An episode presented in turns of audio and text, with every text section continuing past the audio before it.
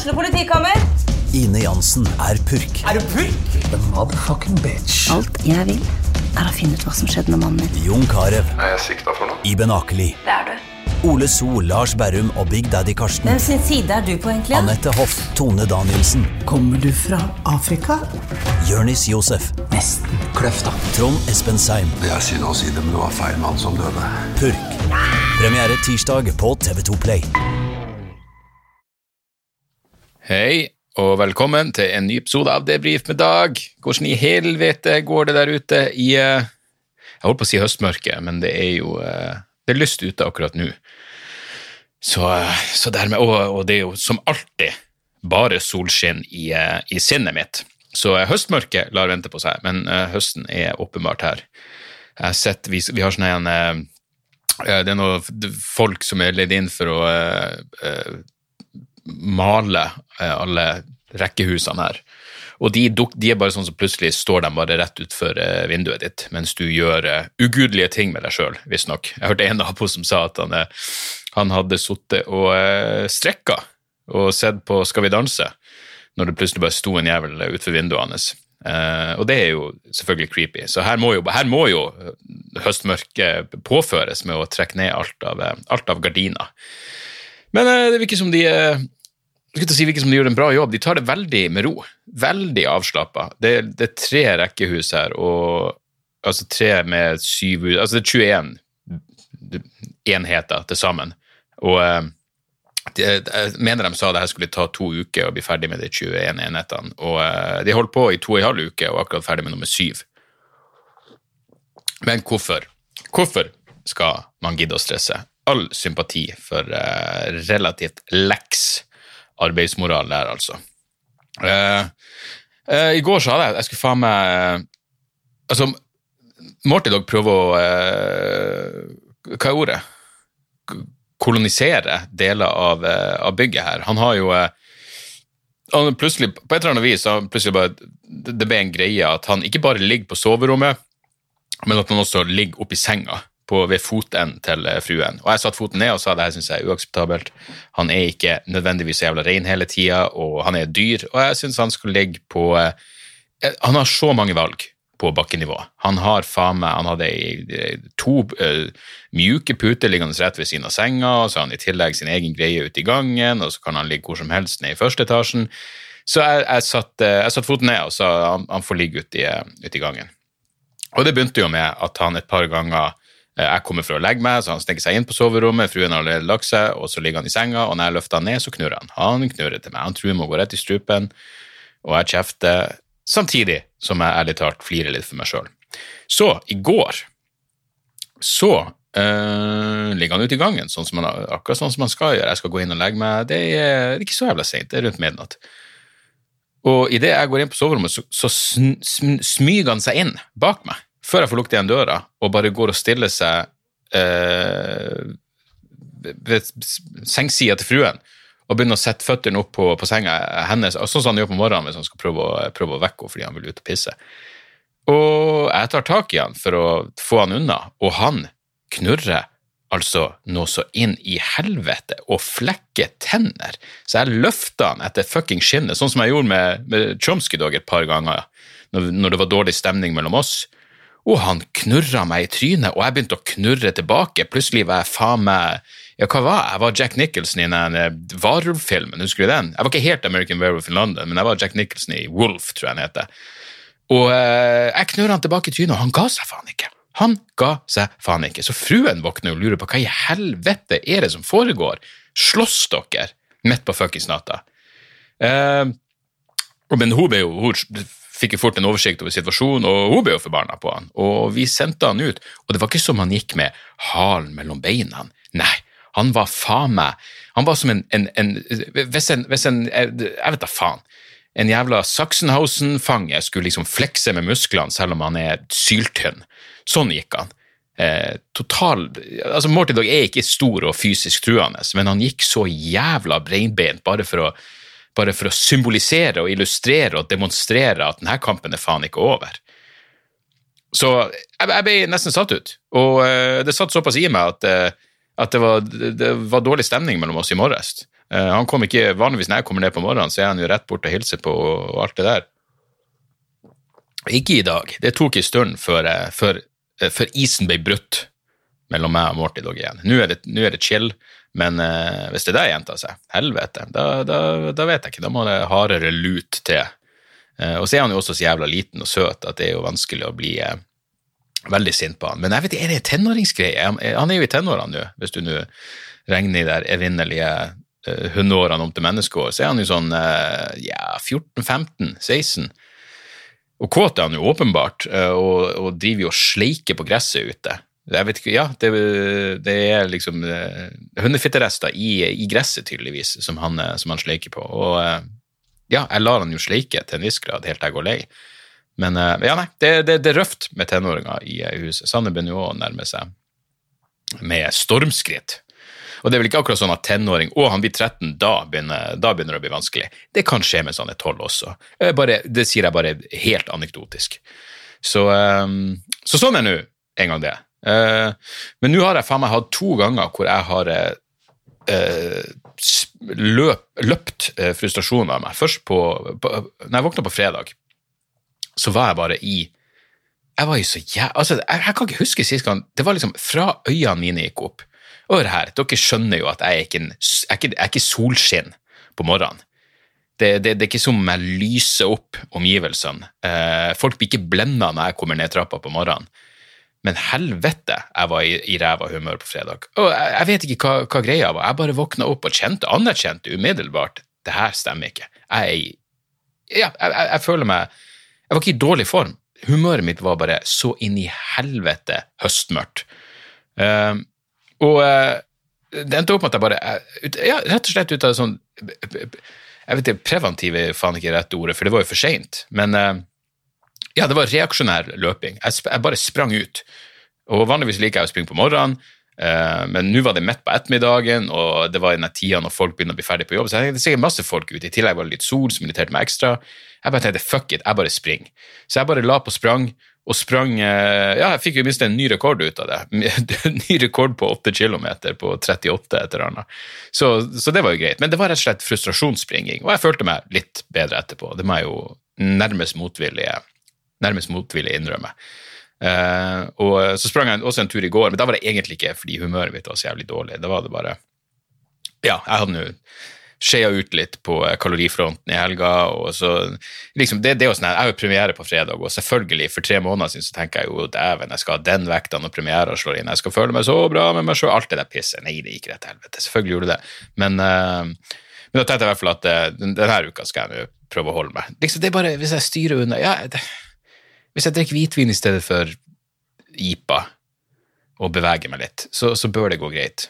Styre unna, styr unna nøtter med sjokolade så bør det gå greit. Men på mandag morgen tenkte jeg ok, jeg skal springe litt roligere, men jeg skal springe lengre.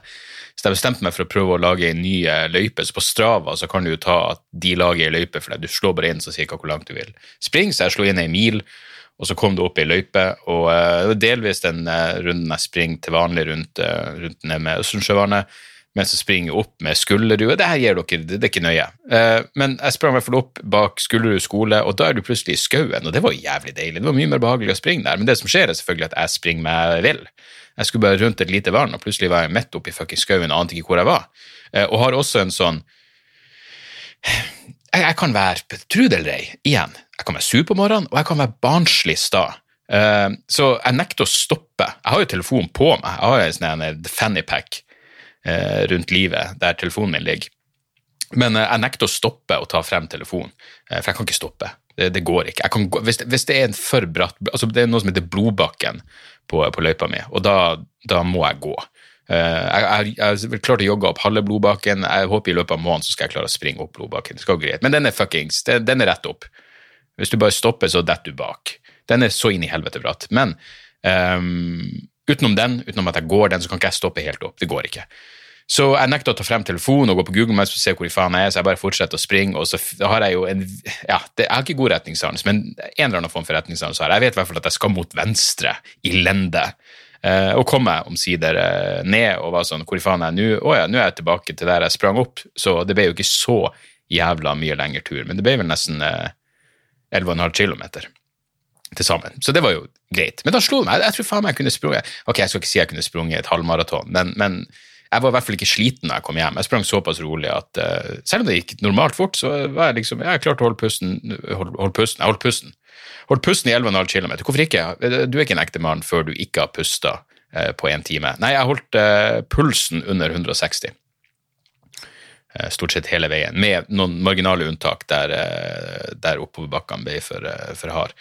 Så, så ja, lang jævla måte å si at jeg beveger meg litt på, i tillegg til at jeg har jobba med materialet til premiere på fredag. Uh, Mo i Rana. utsolgt.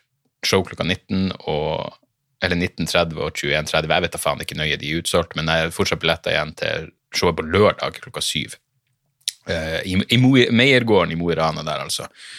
Uansett, jeg jobba med det, så på forrige onsdag så var jeg på prøverøret. Det var to show, og jeg vil ikke si jeg bomba, men helvete, jeg gjorde det ikke bra. Uh, det gikk virke, det er de, det er de tyngste to showene jeg har hatt siden, siden ting starta opp igjen i, i, pandemien. Så, så det, det, var jævlig røft, men det kom jo noe godt ut av det. Jeg måtte jo tenke hvorfor faen gikk det sånn som det gikk, og jeg tror konklusjonen min er at for det første tror jeg ikke publikum hadde noe forhold til meg. Jeg tror ikke de visste hvem jeg, hvem jeg, hvem jeg er, hva jeg står for.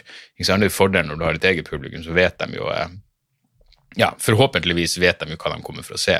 Det var jo åpenbart ikke tilfellet her. I tillegg så har jeg jo nå en, en, en, fin chunk om, eh, om sidene og ytringsfrihet som jeg bestemte meg for å åpne med. Eh, gikk muligens litt hardt ut. Eh, jeg tror ikke helt de skjønte hvor jeg kom ifra, siden jeg først og fremst eh, kritiserte eh, motdemonstrantene, så jeg tror, de, jeg tror, den drev folk bare innbilte seg at jeg, at jeg var noen fucking Sian-forsvarer, eh, som er veldig langt unna sannheten.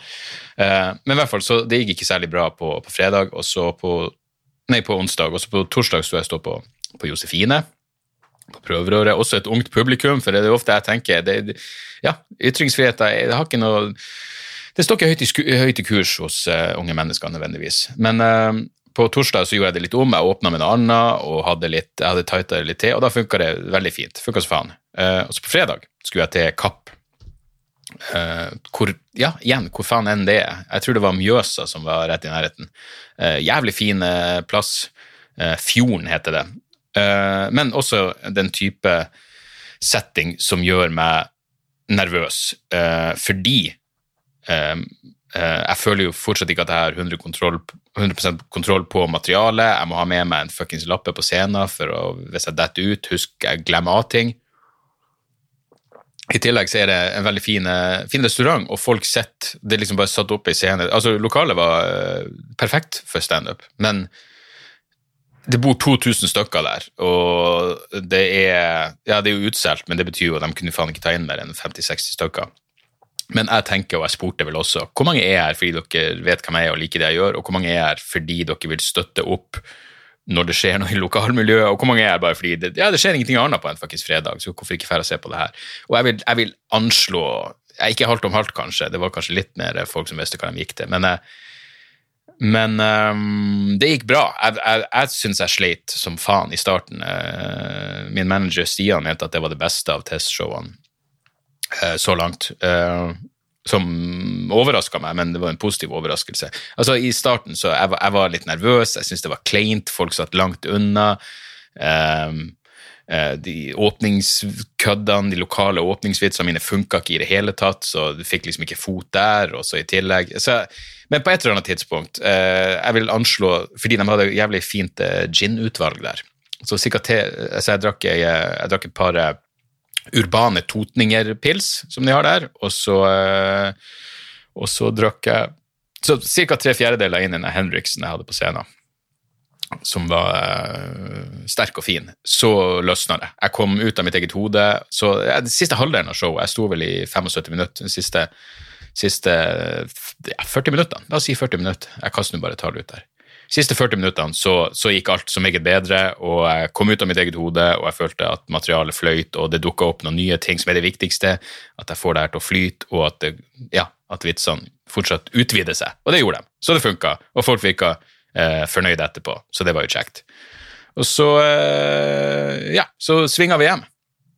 Eh, vi trodde jo det var lenger å kjøre enn det var. Eh, så vi var begge positivt overrasket når vi plutselig bare Hei, vi fuckings fremme? Eh, ja, jeg og Stian har fine samtaler, vi, men vi var fortsatt eh, positivt overraska over hvor, hvor, fort, hvor, fort, kjøreturen gikk. Så, så der er vi. Og denne uka Hva faen er det? Er det tirsdag i dag? Altså, jeg skal ha et testshow i Sarpsborg i morgen. Og uten å Ja, for det første kan vel ikke si at det som har skjedd i Sarpsborg, eh, gjør meg mer positivt innstilt til religion, eh, for å si det sånn. Men, eh, men, det er jo jævlig mye folk i eh, karantene i Sarpsborg og Fredrikstad. Det siste tallet jeg så, var vel at det faen meg var over eh, Jeg tror det var 2500 i karantene. Og jeg skal tilbake til Glenghuset, og de kan ikke ta inn mye folk. Men eh, sist jeg så, så var det fortsatt billetter igjen, så jeg er jo sånn Ok, jeg vet da faen.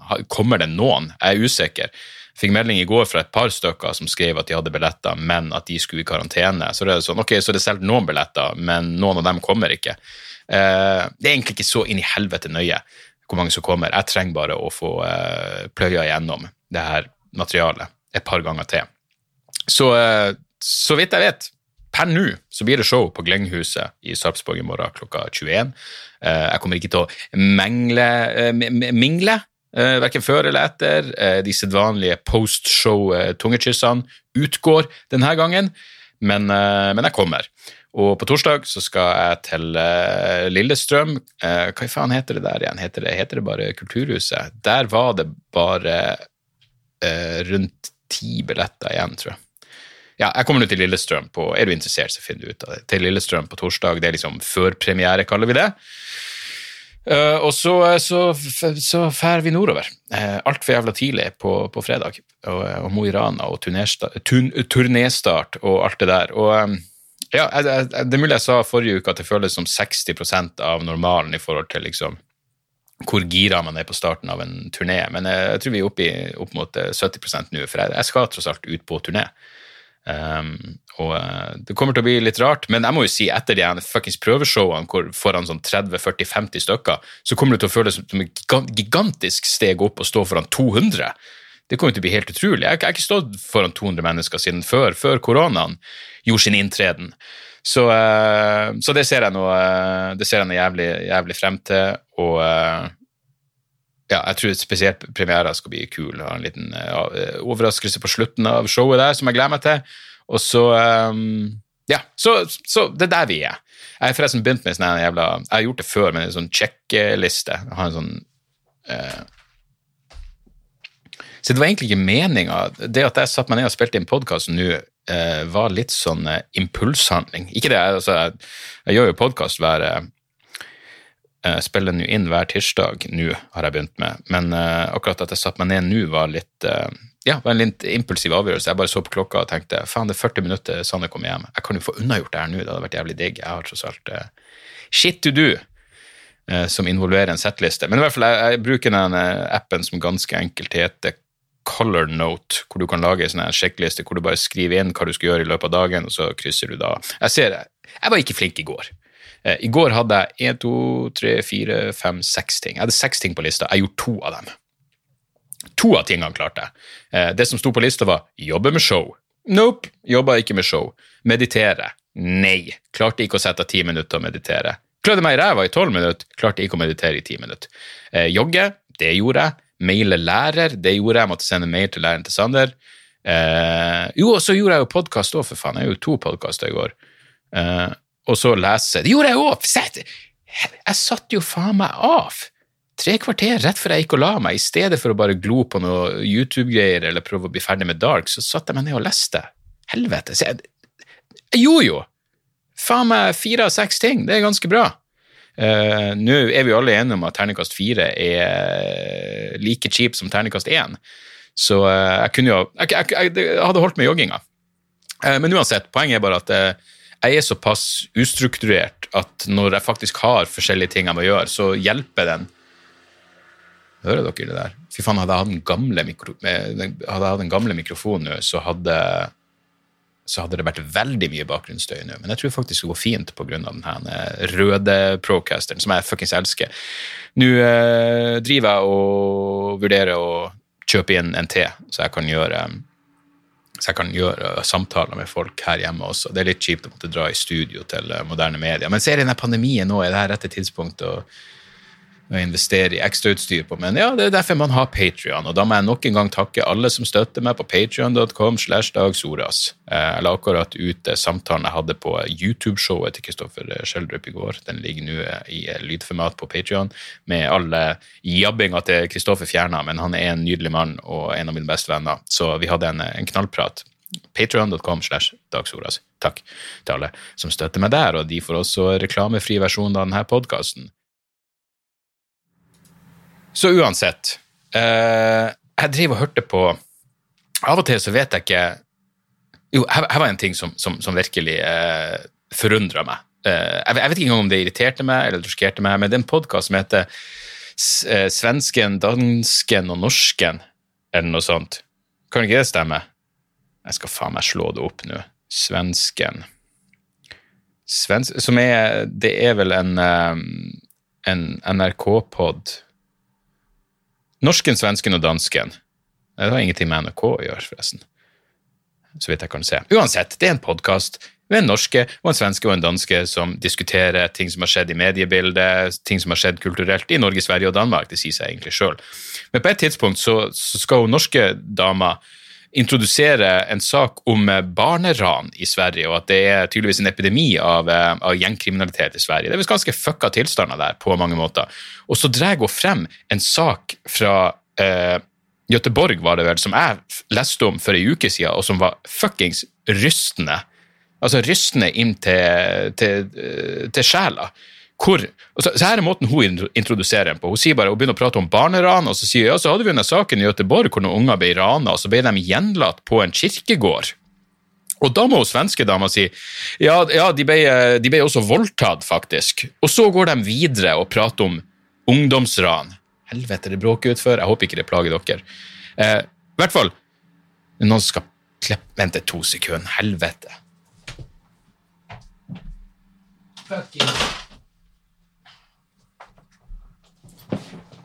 Der, ja. Hvor rart er det ikke hvis dere ikke hører all bakgrunnsstøyen, så tror dere at det her er bare at det her er gressklippere i mitt eget hode. Nei, i hvert fall, så Svenske dama sier at nei, men de ble ikke bare rana, de ble også voldtatt. Og så går de videre og begynner å snakke om en annen sak. De blir også voldtatt. Den der saken handla om at to svenske ungdommer ble kidnappa og torturvoldtatt i ti fuckings timer før de ble forsøkt levende begravd. Når noen tilfeldigvis kom forbi, eh, så hva som foregikk, og gjerningspersonene stakk av og ble, eh, og ble tatt. Men å bare gjøre den saken i, i, i, i, døgn Altså Du blir torturvoldtatt i ti fuckings timer, så er det sånn Ja, de ble jo etterlatt. Ble de etterlatt? Nei. Det var faen meg en av de groveste sakene jeg har lest om i Skandinavia på evigheter.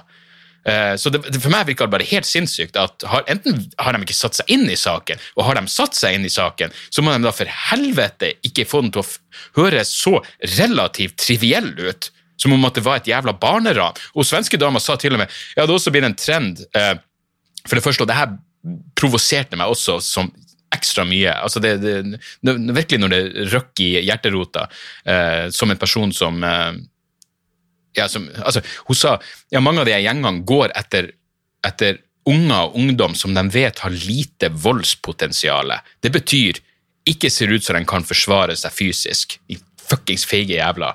Eh, og det, det, det, gjorde bare, det gjorde hele enda verre for meg. Men uansett, hvis dere skal prate om en sånn der sak, så, så kan du da for helvete, helvete ikke få den til å fremstå som så jævla triviell som er oi, litt av kidnapping, og så etter, ble de etterlatt på en kirkegård. Ja, etter å ha blitt torturvoldtatt i ti fuckings timer. Eh, helt sinnssykt. Så jeg, jeg kan jo ha en viss forståelse for at noen bare ikke har satt seg ordentlig inn i en sak, men det er ikke som om du skumleste den saken der og tenker, og så glemmer du det. Det bare forsvant fra, fra hodet mitt. Så, eh, så sånn er det. Jeg vet ikke, det her var jo virkelig eh, apropos, eh, apropos ingen verdens ting.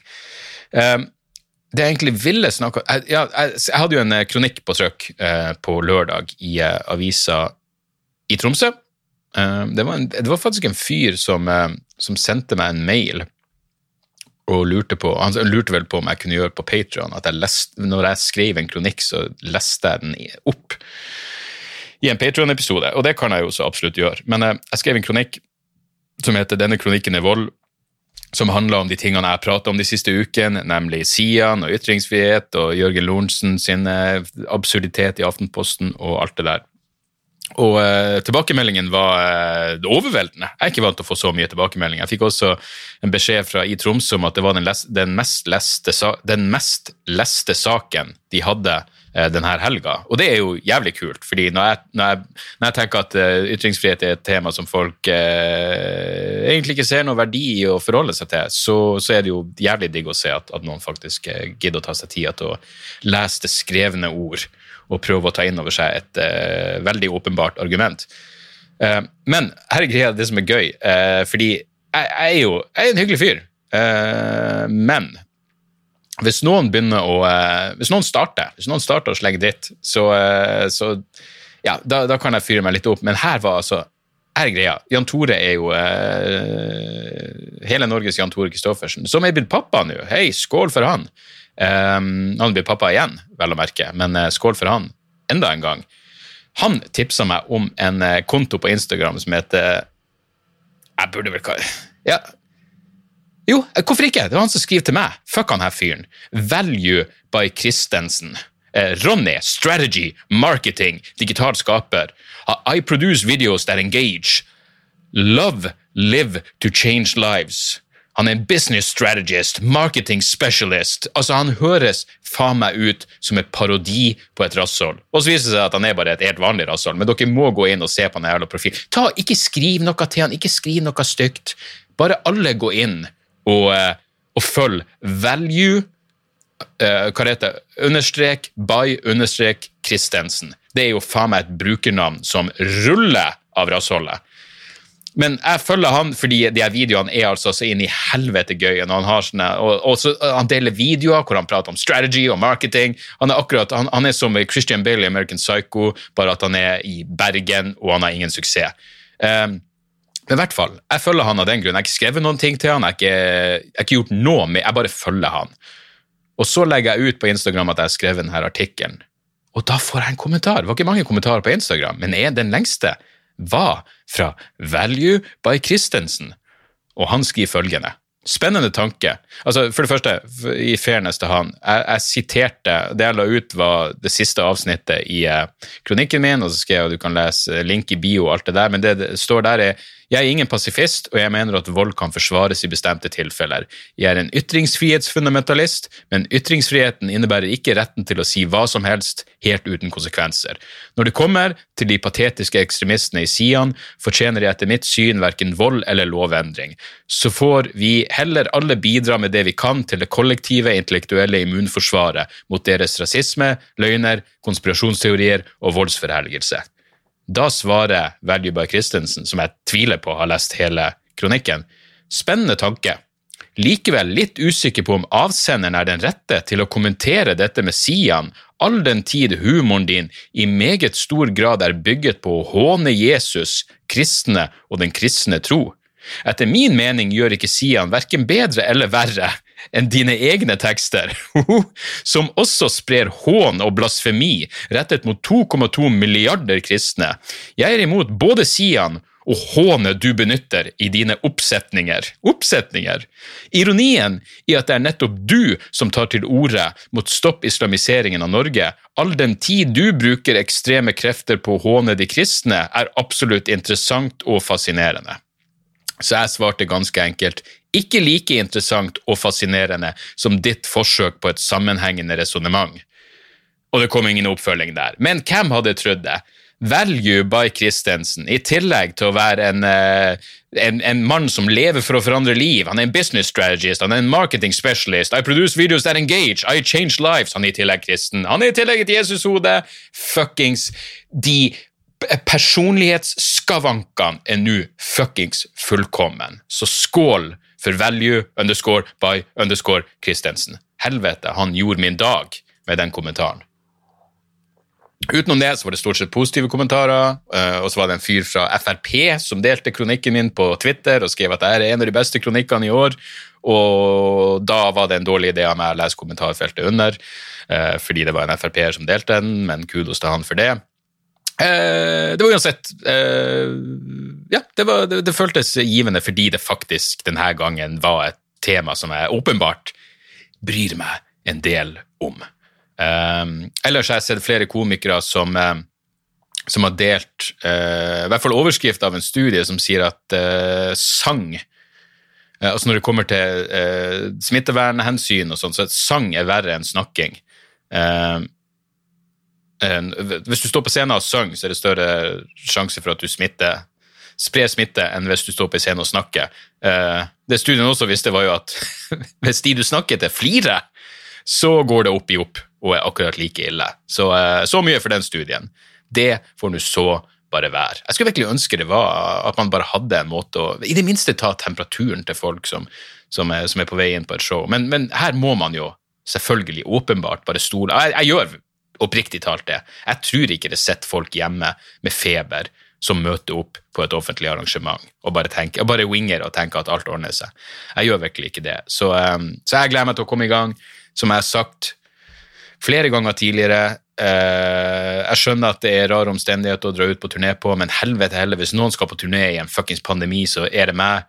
Og vi skal se til at ting er trygt fra vår side. Hvis dere gjør det samme, så blir det her bra. Det blir fint, det blir hyggelig. Vi skal fuckings kose oss, og vi skal drikke. Vi skal ikke ta på hverandre, men vi skal se hverandre dypt inn i øynene mens vi tar oss en, en aldri så liten GT. Ok, uh, skal vi se her 30 minutter, da er vi jo egentlig nesten i mål. Hvem faen hadde trodd det, altså? Um, skal vi se om jeg hadde noen ting til på, uh, på lista. Ja, det er et par ting jeg kan snakke om, men altså det er Ja, her var en, en, en, en trist ting. Det er jo en kar som heter uh, altså det, det, er så rart, det som er rart på Twitter, at plutselig begynte det å dukke opp i feeden min folk som kommenterte og delte et svar som jeg hadde fått på en tweet. Um, for fem-seks år siden hadde jeg fått et svar som folk nå begynte å retweete og svare på igjen. Og, og det var et svar jeg fikk fra en uh, en amerikansk eh, akademiker, aktivist og forfatter som heter David Graber. Eh, og jeg hadde tydeligvis jeg hadde glemt av det her, men jeg hadde vi hadde en liten frem og tilbake på Twitter om eh, tro det eller ei, faktisk ytringsfrihet. Dette var en tida hvor den jævla Milo Yiannopoulos-dildoen eh, var eh, veldig populær, og, og, det ble et helvetes liv når han reiste rundt på amerikanske universitet for å si absolutt ingen jævla ting. Eh, men i hvert fall, eh, jeg og Graber hadde en frem og tilbake, og så viser det seg jo senere samme dag ser jeg at David Graber er død. Eh, gikk bort i en alder av 59 år, som var jævlig jævlig fuckings trist. Jævlig fuckings trist. Han har skrevet noen fantastiske bøker. Han har skrevet en bok om, om For det første, han, er veldig kjent for en bok om Hva kan man kalle det? Altså debt. som heter Debt Debt the first 5000 years. Jeg, jeg kom til å si skyld, men hva i faen er debt egentlig på norsk? Er, det skyld? Blir det det rette ordet? Du vet når du tar opp et lån. Gjeld, gjeld, for faen, gjeld. Helvete. Uh, han skrev en bok om gjeld som jeg ikke har lest, men som uh, vel var hans gjennombrudd. Så skrev han en bok som heter The Utopia of Rules, som jeg har lest, som handler om, om vår uh, eh, byråkratifetisjisme. Men så skrev han jo et mesterverk som virkelig inspirerte meg, som heter Bullshit Jobs A Theory, som er ei bok jeg prata masse om, eh, vil jeg tro, da den kom ut her på podkasten, men Bullshit Jobs kan virkelig anbefales. Han er død, og det er jævlig trist, for han var, selv om jeg var dypt uenig med han mange ganger, så var han eh, han, han, var den som visstnok, selv om han insisterer på å dele æra, eh, kom opp med eh, slagordet 'We are the 99 under eh, Occupy Wall Street-bevegelsen eh, i ja, når var det, 2011, rundt der. Selverklært anarkist, noe jeg fortsatt vil kalle meg sjøl. Men en veldig, veldig interessant, interessant tenker som virkelig hadde mye å bidra med. Han skrev visstnok ferdig ei bok før han, før han før han vandra videre, som, som, jeg selvfølgelig kommer til å lese når, når den tid kommer. Men det var trist. Faktisk, folk dør, og det er, det er sjelden eh, noe å feire. Så eh, vi tar et par tips her helt på slutten. Eh, ei skive jeg kom over etter å ha lest musikkmagasinet til eh, Klassekampen. Eh, de har en, eh, en kar som Åh, kommer faen ikke på navn. Tom Egil han skriver om uh, am Americana. Nei, jeg, tenker på Tom Egil Verven. Ja, Uansett, jeg, jeg, husker ikke hva han heter, men han er en uh, flink uh, skribent som skriver mye om country og americana og den type musikk i uh, musikkmagasinet til Klassekampen. Han skrev om ei skive som heter Die Midwestern av Arlo McKinley, og den skiva er dritbra. Han nevnte liksom Hvis du liker Jason Isbell, John Morland, Ian No og ja, all of the above. Jeg liker alle dem.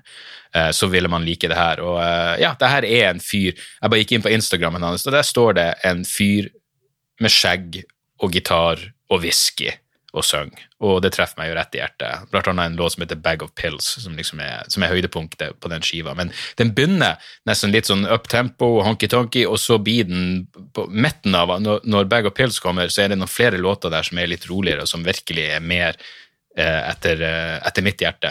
Men, men, hele skiva er dritbra. Eh, han er den siste som ble signa av legenden John Prine før han døde, til, til, til hans plateselskap, som vil hete Oh Boy Records.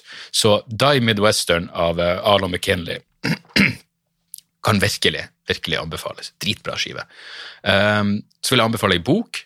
Som, som, er Ja, den, den føyer seg inn i de tingene vi har prata om. Den heter Dare to Speak how Uh, den heter Dare to Speak, uh, Defending Free Speech for All, skrevet av uh, en frue som heter Suzanne Nozzle, som er sjef i Penn America. og Penn er en ytringsfrihetsorganisasjon, og en av de få jeg er medlem i Penn Norge. Det er en av de få organisasjonene jeg føler at jeg som komiker kan være med i, uten å føle at det uh, gjør noe med min uavhengighet som, som, komiker. Fordi de er rett og slett en, eh, en organisasjon som jobber for, for ytringsfrihet.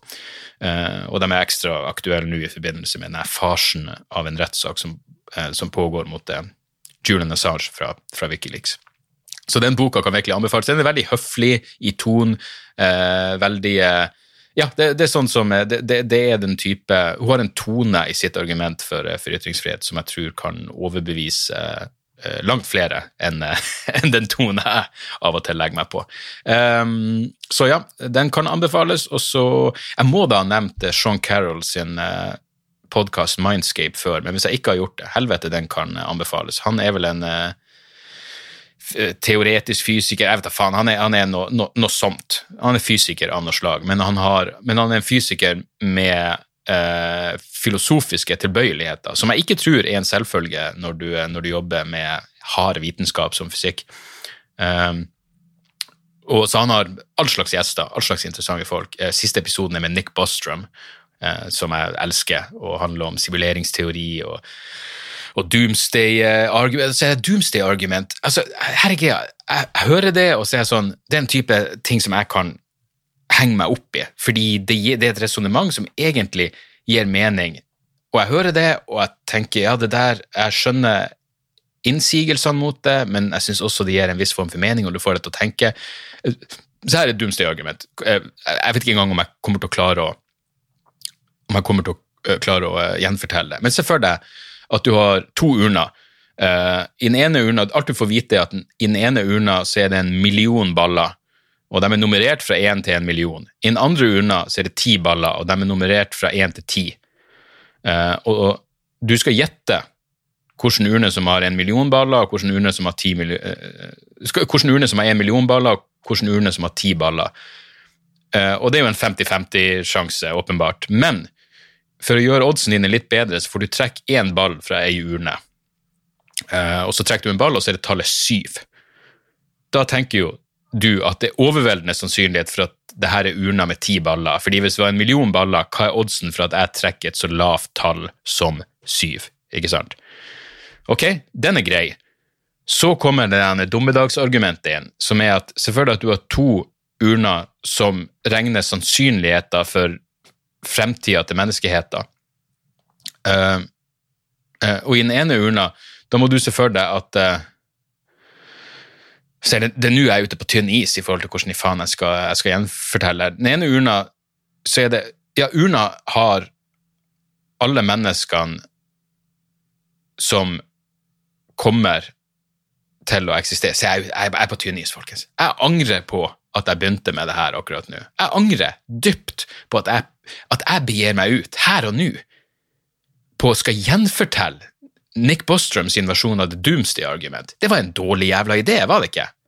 Men det er i hvert fall sånn at de to jævla urnene har to forskjellige eh, eh, hypoteser for hva, hvordan fremtida til menneskeheten ser ut. Og I den ene urna så er hypotesen at eh, menneskeheten kommer til å, til, til å, forsvinne i løpet av de neste ti årene.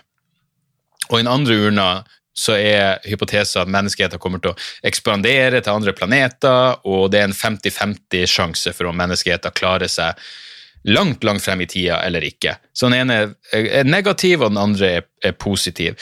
Men måten de her uh, urnene eh, Måten det fungerer på, er at ballene i urnene er nummerert med antallet mennesker som har eksistert. ok? Så la oss si at i den ene urna så er det 100 milliarder baller for å, eh, for å eh, symbolisere hvor mange mennesker som kommer til å eksistere. Det er den, den mest negative. Og i den andre urna så er det en, en, en trillion, er det et, La oss si 1000 milliarder, da, for faen. 1000 milliarder mennesker som har eh, eksistert. Det er den mer positive. Her er det 50-50 sjanse for at menneskeheten klarer seg lenge. Og så trekker du en ball, og så skal du finne ut hvordan av de her to urnene er det størst sannsynlighet for å ha rett. Er det den negative eller den positive? Er det doomsday snart eller kanskje aldri? Og så trekker du et tall som er så I den ene urna er det 100 milliarder baller, i den andre urna er det 1000 milliarder baller. Og du trekker urne, og det står 70 milliarder, som er ca. det nummeret du har faktisk den dag i dag, etter så jeg forstår. Du er ca. nummer 70 milliarder av mennesker som har eksistert. Da er jo konklusjonen din Dette er mest sannsynlig den urna som har 100 milliarder baller. Nå er jeg nummer 70 milliarder, ikke sant? Fordi på samme måte som i sted, du trekker nummer 7 av 10. Større sjanse for at det er 10 i stedet for 1 million. Du trekker nummer eh, 70 milliarder, så er det større sjanse for at det er 100 milliarder enn 1000 milliarder. Ergo er det større sjanse for at menneskeheten forsvinner i løpet av de neste tiårene. Jeg vet da faen om det her ga mening. Ja, for fødsel ja, for det er underforstått. Fødselsnummeret er liksom Hver ball er fødsel. Dette burde jeg sagt først. Hver ball er fødselsnummeret, hvilken rekke du er født, og du trekker nummer 70 milliarder. Det er deg. Da er det større sjanse for at det er 100 milliarder, du har trukket den urna. Hvor dommedag skjer For meg akkurat nå så skjer dommedag her og nå inni skallen min. Jeg vet da faen om det der ga noe form for fuckings mening. Men der har du i hvert fall doomsday-argument. Og hvis du vil høre det argumentet artikulert av noen som jeg vil si er dårligere i engelsk enn meg, men jævlig mye smartere og mye mer velartikulert når det kommer til dette punktet, så hør Nick Bostrom sitt intervju på Sean Carroll sin Mindscape podkast. Utenom det har jeg ikke sett så jævla mye. Eh, jeg og fruen holder fortsatt på med Bosch, men vi har sett de eh, tre første episodene av Lovecraft eh, Country på HBO. Første episoden var dritbra, andre episoden var ikke så bra, tredje episoden var veldig bra, så det er på vei oppover. Verdt å sjekke. Vi følger med videre. Det var det jeg hadde, folkens. Takk for at dere hører på. Eh, mailadressen til podkasten. Det har ikke kommet inn så jævla mye mailer. Det kan være fordi jeg har svart på mailer på, i år, for alt jeg vet. Men jeg har noen jeg skal ta for meg. Men uansett, mailadressen er debrifpodkast.gmail.com. Uh, de av dere som følger meg på Patrion, er det bedre at dere bare sender meg en direktemelding der. Uh, rate and review, alt det der. Uh, jeg håper å se flest mulig av dere der ute på veien nå når turneen min, vrangforestilling, omsider fucking starter til helga. Eh, de av dere som ikke kommer, de av dere jeg ikke ser til helga, får ei oppdatering neste uke. Vi høres, ok? Ja, det gjør vi faen meg. Tjo og høy. Moderne media. Da er det reklametid, og ukens annonsør er fiken.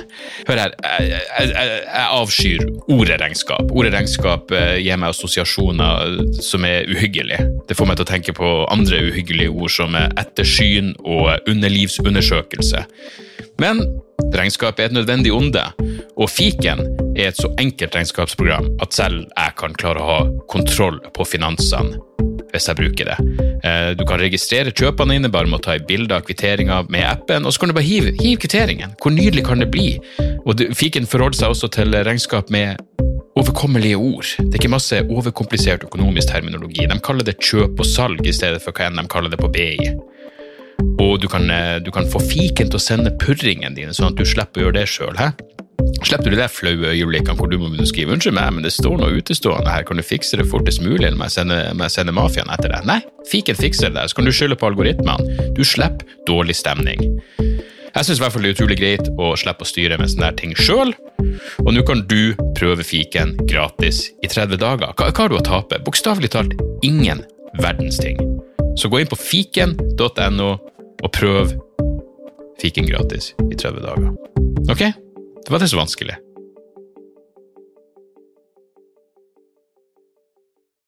Har du et enkeltpersonforetak eller en liten bedrift? Da er du sikkert lei av å høre meg snakke om hvor enkelt det er med kvitteringer og bilag i fiken, så vi eh, gir oss her, vi. Fordi vi liker enkelt. Fiken superenkelt regnskap.